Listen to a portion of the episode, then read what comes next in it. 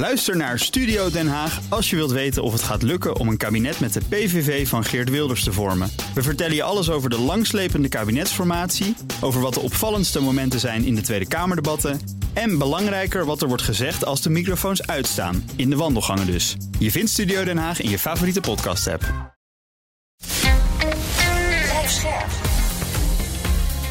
BNR Nieuwsradio. Cryptocast. Herbert Blankenstein. Hartelijk welkom bij de Cryptocast. Met vandaag crypto-vermogensbeheerder Amdax heeft zich laten auditen, vrijwillig en als eerste crypto-dienstverlener van Europa. En inscriptions zijn in trek, de NFT's van het Bitcoin-netwerk. Met als gevolg dure transacties en lange wachtrijen.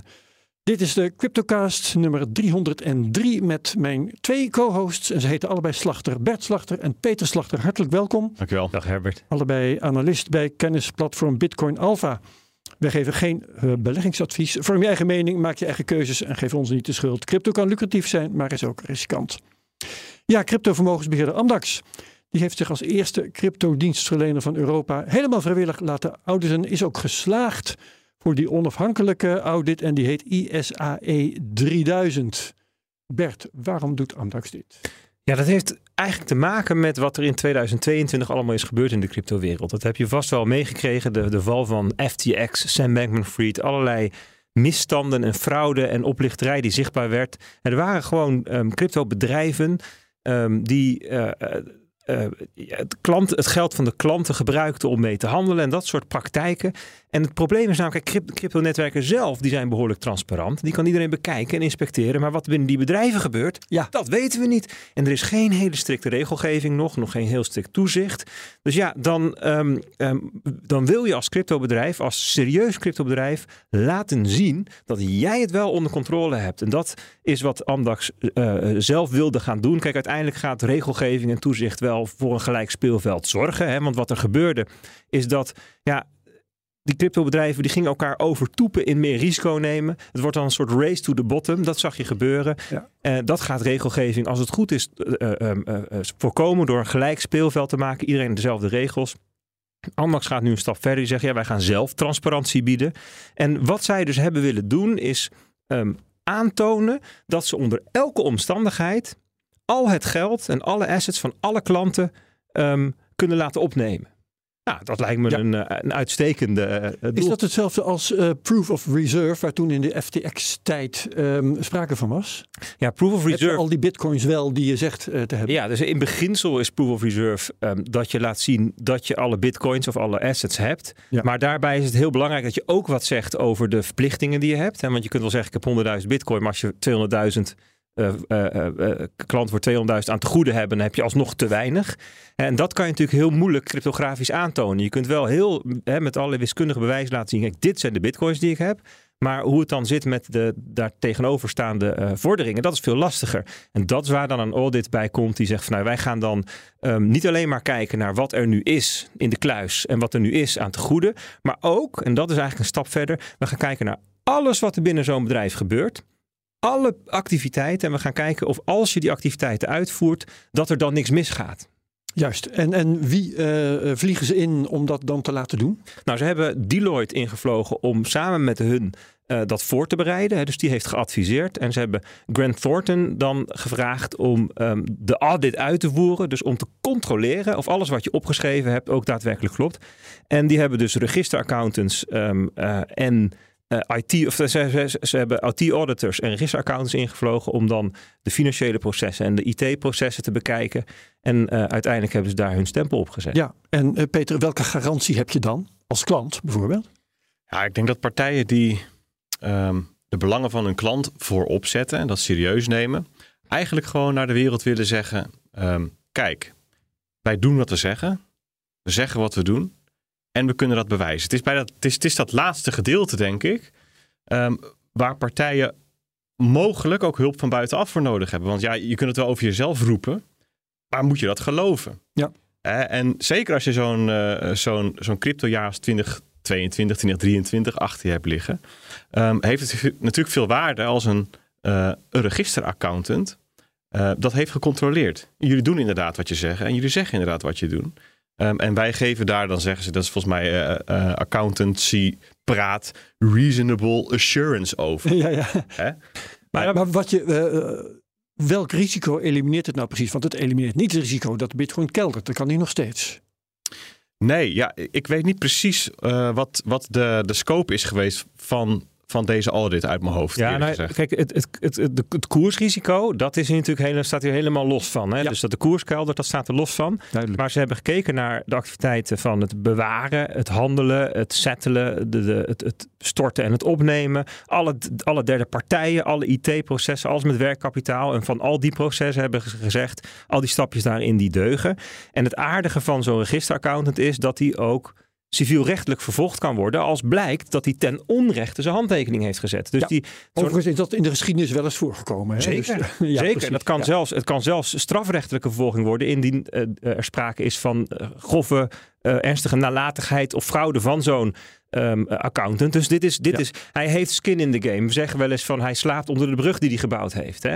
Eh, Dit is niet zomaar een handtekeningetje die je zet. Dus dit is ook wel echt anders dan gewoon ja, iemand die zegt ik heb een audit uitgevoerd. Ja, er zijn bepaalde standaarden voor. Je mag aannemen dat Amdax zich hier alleen aan waagt als ze redelijk eh, verwachting hebben dat ze ook slagen voor zo'n test. Dat is trouwens ook gebeurd. Maar nemen ze er ook nog een risico mee op een of andere manier? Ja, een risico is dat zo'n accountant dingen ziet die ze volgens de ethische standaarden verplicht zijn te melden. Toch wel. En want die accountants, dat, die zijn echt wel gehouden aan een bepaalde eh, ehm, ehm, richtlijn. Hè? En dus je, gaat, je begint niet aan zo'n traject als je niet al denkt dat je je zaken eh, op orde hebt. Het is misschien een beetje net als met een rijexamen. En je kunt wel zakken, maar je gaat pas op als je ook je een denkt dat je er klaar voor bent. Ja. Ja, precies.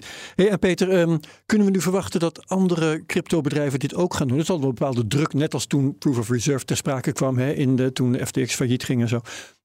Dat er een bepaalde druk zal zijn om dit ook te doen, om dit te evenaren. Dat denk ik wel. Ik denk dat hier, Ja. eh, dat hier wel een standaard mee gezet wordt. En ik denk dat er op twee manieren naartoe gewerkt wordt. Aan de ene kant eh, nieuwe regels, ehm, die ook in zekere zin een bepaalde mate van auditeerbaarheid vereisen. En natuurlijk gewoon de marktpartijen die dat doen en dat laten zien. Ja, er zijn verschillende en- dingen. Hè. Een, een, een wettelijke verplichting, dat is natuurlijk mogelijk, maar die is er op dit moment niet. Eh, en als één partij dit doet, ja, dan eh, heeft die een voorsprong in reputatie. En ja, zullen anderen komt het ook natuurlijk aan. Hè, dus we, zouden even kunnen aannemen van, nou ja, weet je, dat, dat, dat, dat is er zo goed als. Volgend jaar treden dat in werking. En daar zitten wel wat eisen bij eh, rondom auditeerbaarheid van je bedrijf. Eh, maar dat wil niet zeggen dat dat hetzelfde is als wat Amdax nu heeft gedaan. Ik denk dat die lat nog een stukje hoger is gelegd. Ehm, ja, en dat, daarmee zet je andere partijen denk ik wel op scherp. Ja. Zeker. En ehm, is daar veel tijd voor nodig voor dit eh, om de norm te worden? Gaan we dat nou volgend jaar al zien? Eh, even los van Mika, maar eh, door de, noem het sociale druk onder, onder eh, bedrijven? Nee, ik denk dat alle bedrijven die op dezelfde manier in de wedstrijd zitten als Amdax, dus die richting een MICA-vergunning aan het werken zijn, ehm, die van zichzelf als, als doel hebben gezet ook, joh, wij- willen op een professionele manier in die markt staan. Het cowboy gebeuren van de afgelopen jaren laten we achter ons. Dat die op een soortgelijke manier bezig zijn met hun in- interne processen. En of het dan precies dezelfde audit is met dezelfde scope. Ja, dat varieert denk ik gewoon heel erg per bedrijf. Maar de uitkomst daarvan is denk ik wel een sector waar je van buitenaf meer vertrouwen in kunt hebben. Omdat daar gewoon mensen naar gekeken hebben met een serieuze reputatie. Zoals Grant Thornton en Deloitte enzovoort. Eh, ik stel voor dat we naar de prijzen gaan kijken. Bert, dat doen we met jou eh, meestal, dus dat gaan we vandaag ook doen. Ehm, vorige week hebben Amerikaanse en Europese centrale banken een beslissing genomen over, over het monetair beleid.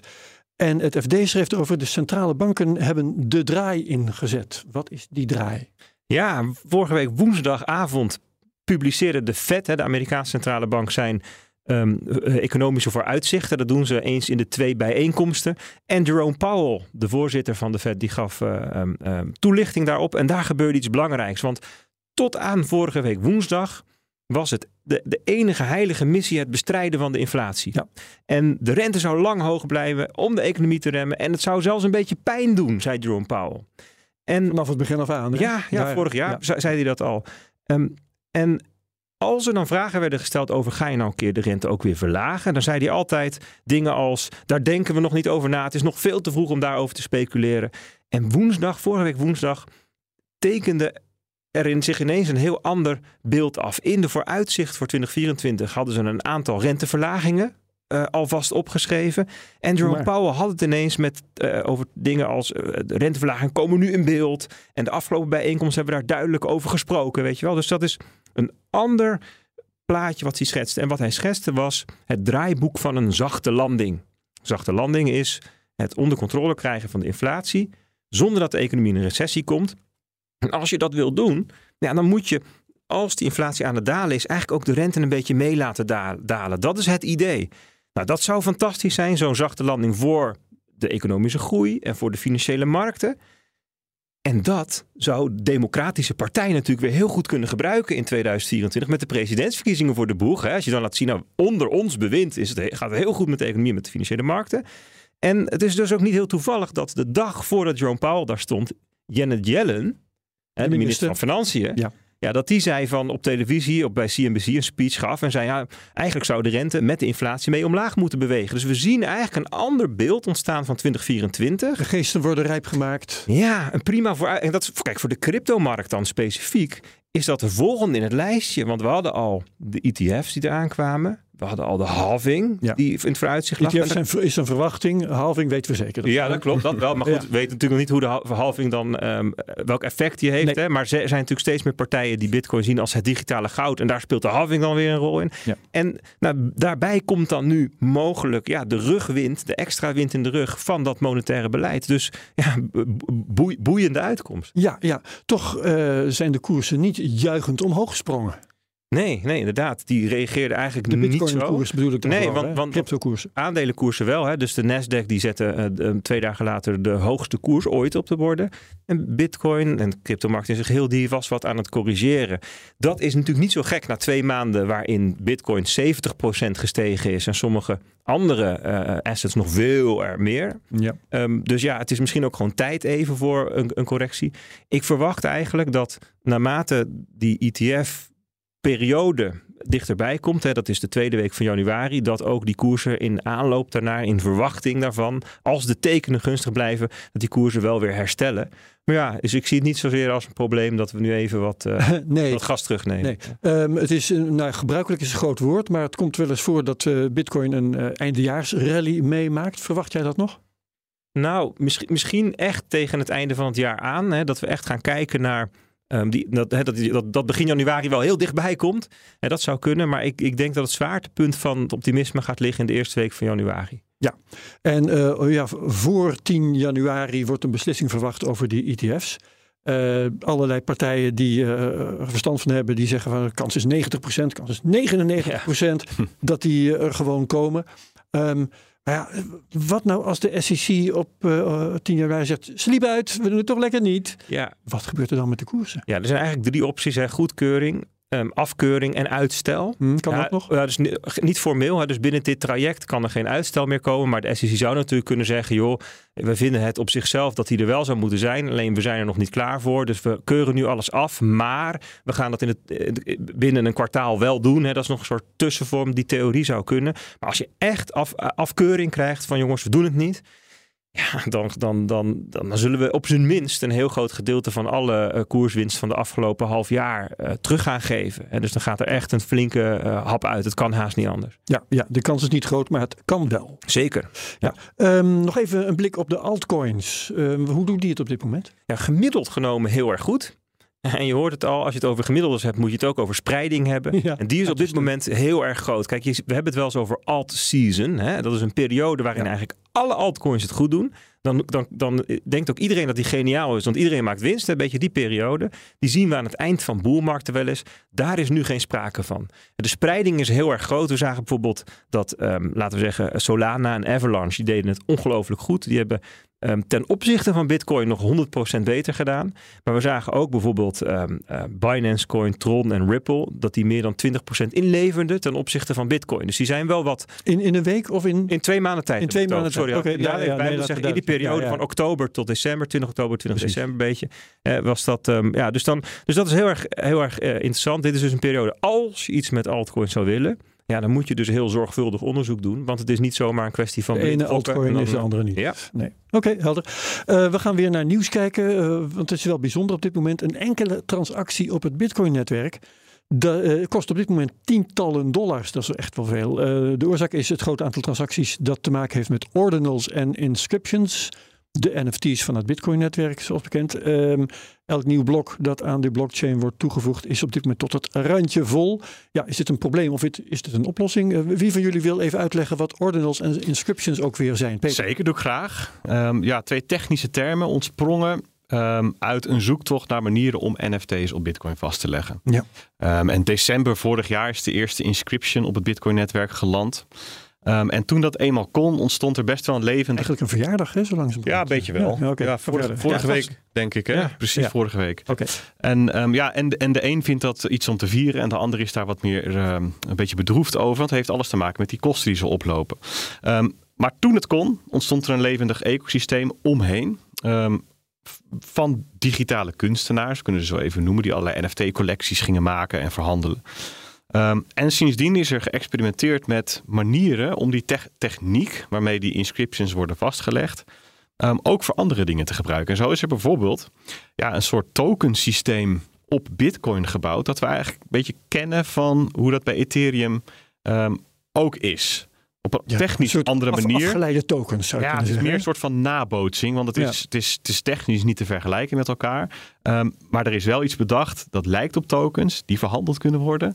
Ehm, en sinds die een notering hebben gekregen op grote exchanges, is natuurlijk ook weer een enorme levendigheid. Ja, de eerste daarvan heeft een marktkapitalisatie van een miljard bereikt Ja, eh, van de week. Het, Ja. or- het Ordi-token. Ja. Dat is volgens Ja. mij een van de eerste. Ja, die verwijst natuurlijk naar ordinals. Goed, ehm, en het eh, probleem of de oplossing eh, blijkt nu te zijn dat die inscriptions normale transacties nou nog net niet verdringen, maar wel ermee concurreren om ruimte in die blokken. Ja, ja, verdringen suggereert inderdaad dat ze een soort speciaal behandeld worden of dat ze voorrang krijgen. Dat is niet zo. Dus het, voor alle Bitcoin-transacties geldt dat ehm, als die verwerkt eh, moeten worden, dan moet daarvoor betaald worden. Ehm, en hoe hoger de vraag naar transactieverwerking is, eh, hoe hoger die transactiekosten ook worden. En dan komt er dat mensen elkaar gaan overbieden om hun transacties nog verwerkt te krijgen. En als het druk is, ja, dan kan het zomaar zijn dat sommige mensen ervoor kiezen om hun transacties niet uit te voeren of even te laten wachten. Er genoegen meenemen dat, ze langer, dat het langer duurt voordat die verwerkt worden. Ja.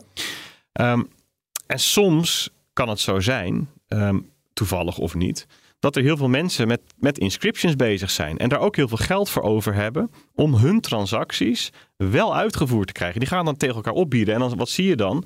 Ja, dan zie je dus dat eh, de voorraad van transacties oploopt. Dat noemen we dan eh, de mempool. De, wachtkamer waar alle transacties wachten om verwerkt te worden. Ehm, en dat de prijzen om nog in een blok te komen heel hoog worden. Ja, ik heb trouwens van de week het experiment gedaan. Ik had, hoe laag eh, kan ik eh, een, eh, de prijs van een transactie Hm. nog krijgen? En het was weliswaar op een zondag, maar 10 dollar, dat, dat lukte nog. Ja, gewoon uitgevoerd en duurde niet eens heel lang. Nee, hoe lang heb je moeten wachten? Ik geloof eh half uur, drie kwartier of zo. Ah, dat is nog overzichtelijk. Ja. Kijk, dat is voor, eh, de, voor echt een, voor het gebruik van Bitcoin als geld, voor wie dat doet, eh, eh, met gebruikmaking van, eh, van de basislaag in plaats van het Lightning-netwerk, is het natuurlijk vrij lang. Ehm, maar dat is, nog, dat is nog aan de lage kant. Want we hebben afgelopen zaterdag bijvoorbeeld gezien dat de transactiekosten opliepen naar, ja, dat noemen we dan 600 sats per V-byte. Ja. er wordt altijd naar gewicht betaald. Een beetje alsof je pakketjes aan het versturen bent met PostNL. Ehm, en dan zou je voor een eenvoudige transactie al zo'n 36 dollar betalen. Ja, dat loopt Oh ja. dan toch wel in de papieren. Ja, Bert, ehm, eh, een crypto nieuws site, ik geloof dat Bitcoin Magazine NL was, eh, schreef: miners worden nu schatrijk. Is dat zo? Nou, ze verdienen goed. Ja, op die momenten dat het druk is, er zijn nu eh, regelmatig eh, Bitcoin-blokken waarbij de inkomsten voor de miners voor meer dan de helft uit deze transactiekosten bestaan. En dat was in de afgelopen jaren gemiddeld een paar procent.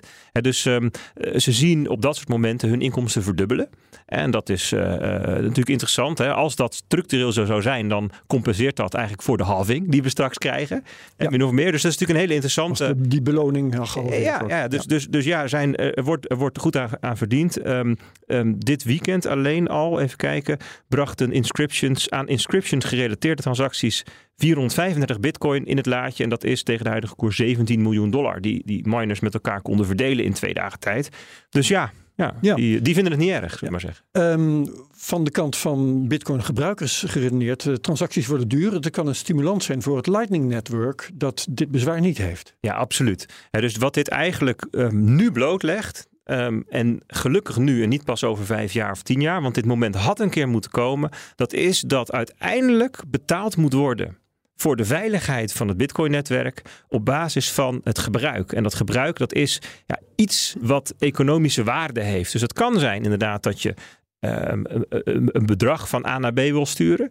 Het kan ook zijn dat, je, dat, dat er, eh, in het geval van tokens, dat er allerlei andere waardevolle dingen. Ja. Waar, als mensen voor willen betalen, heeft het blijkbare waarde.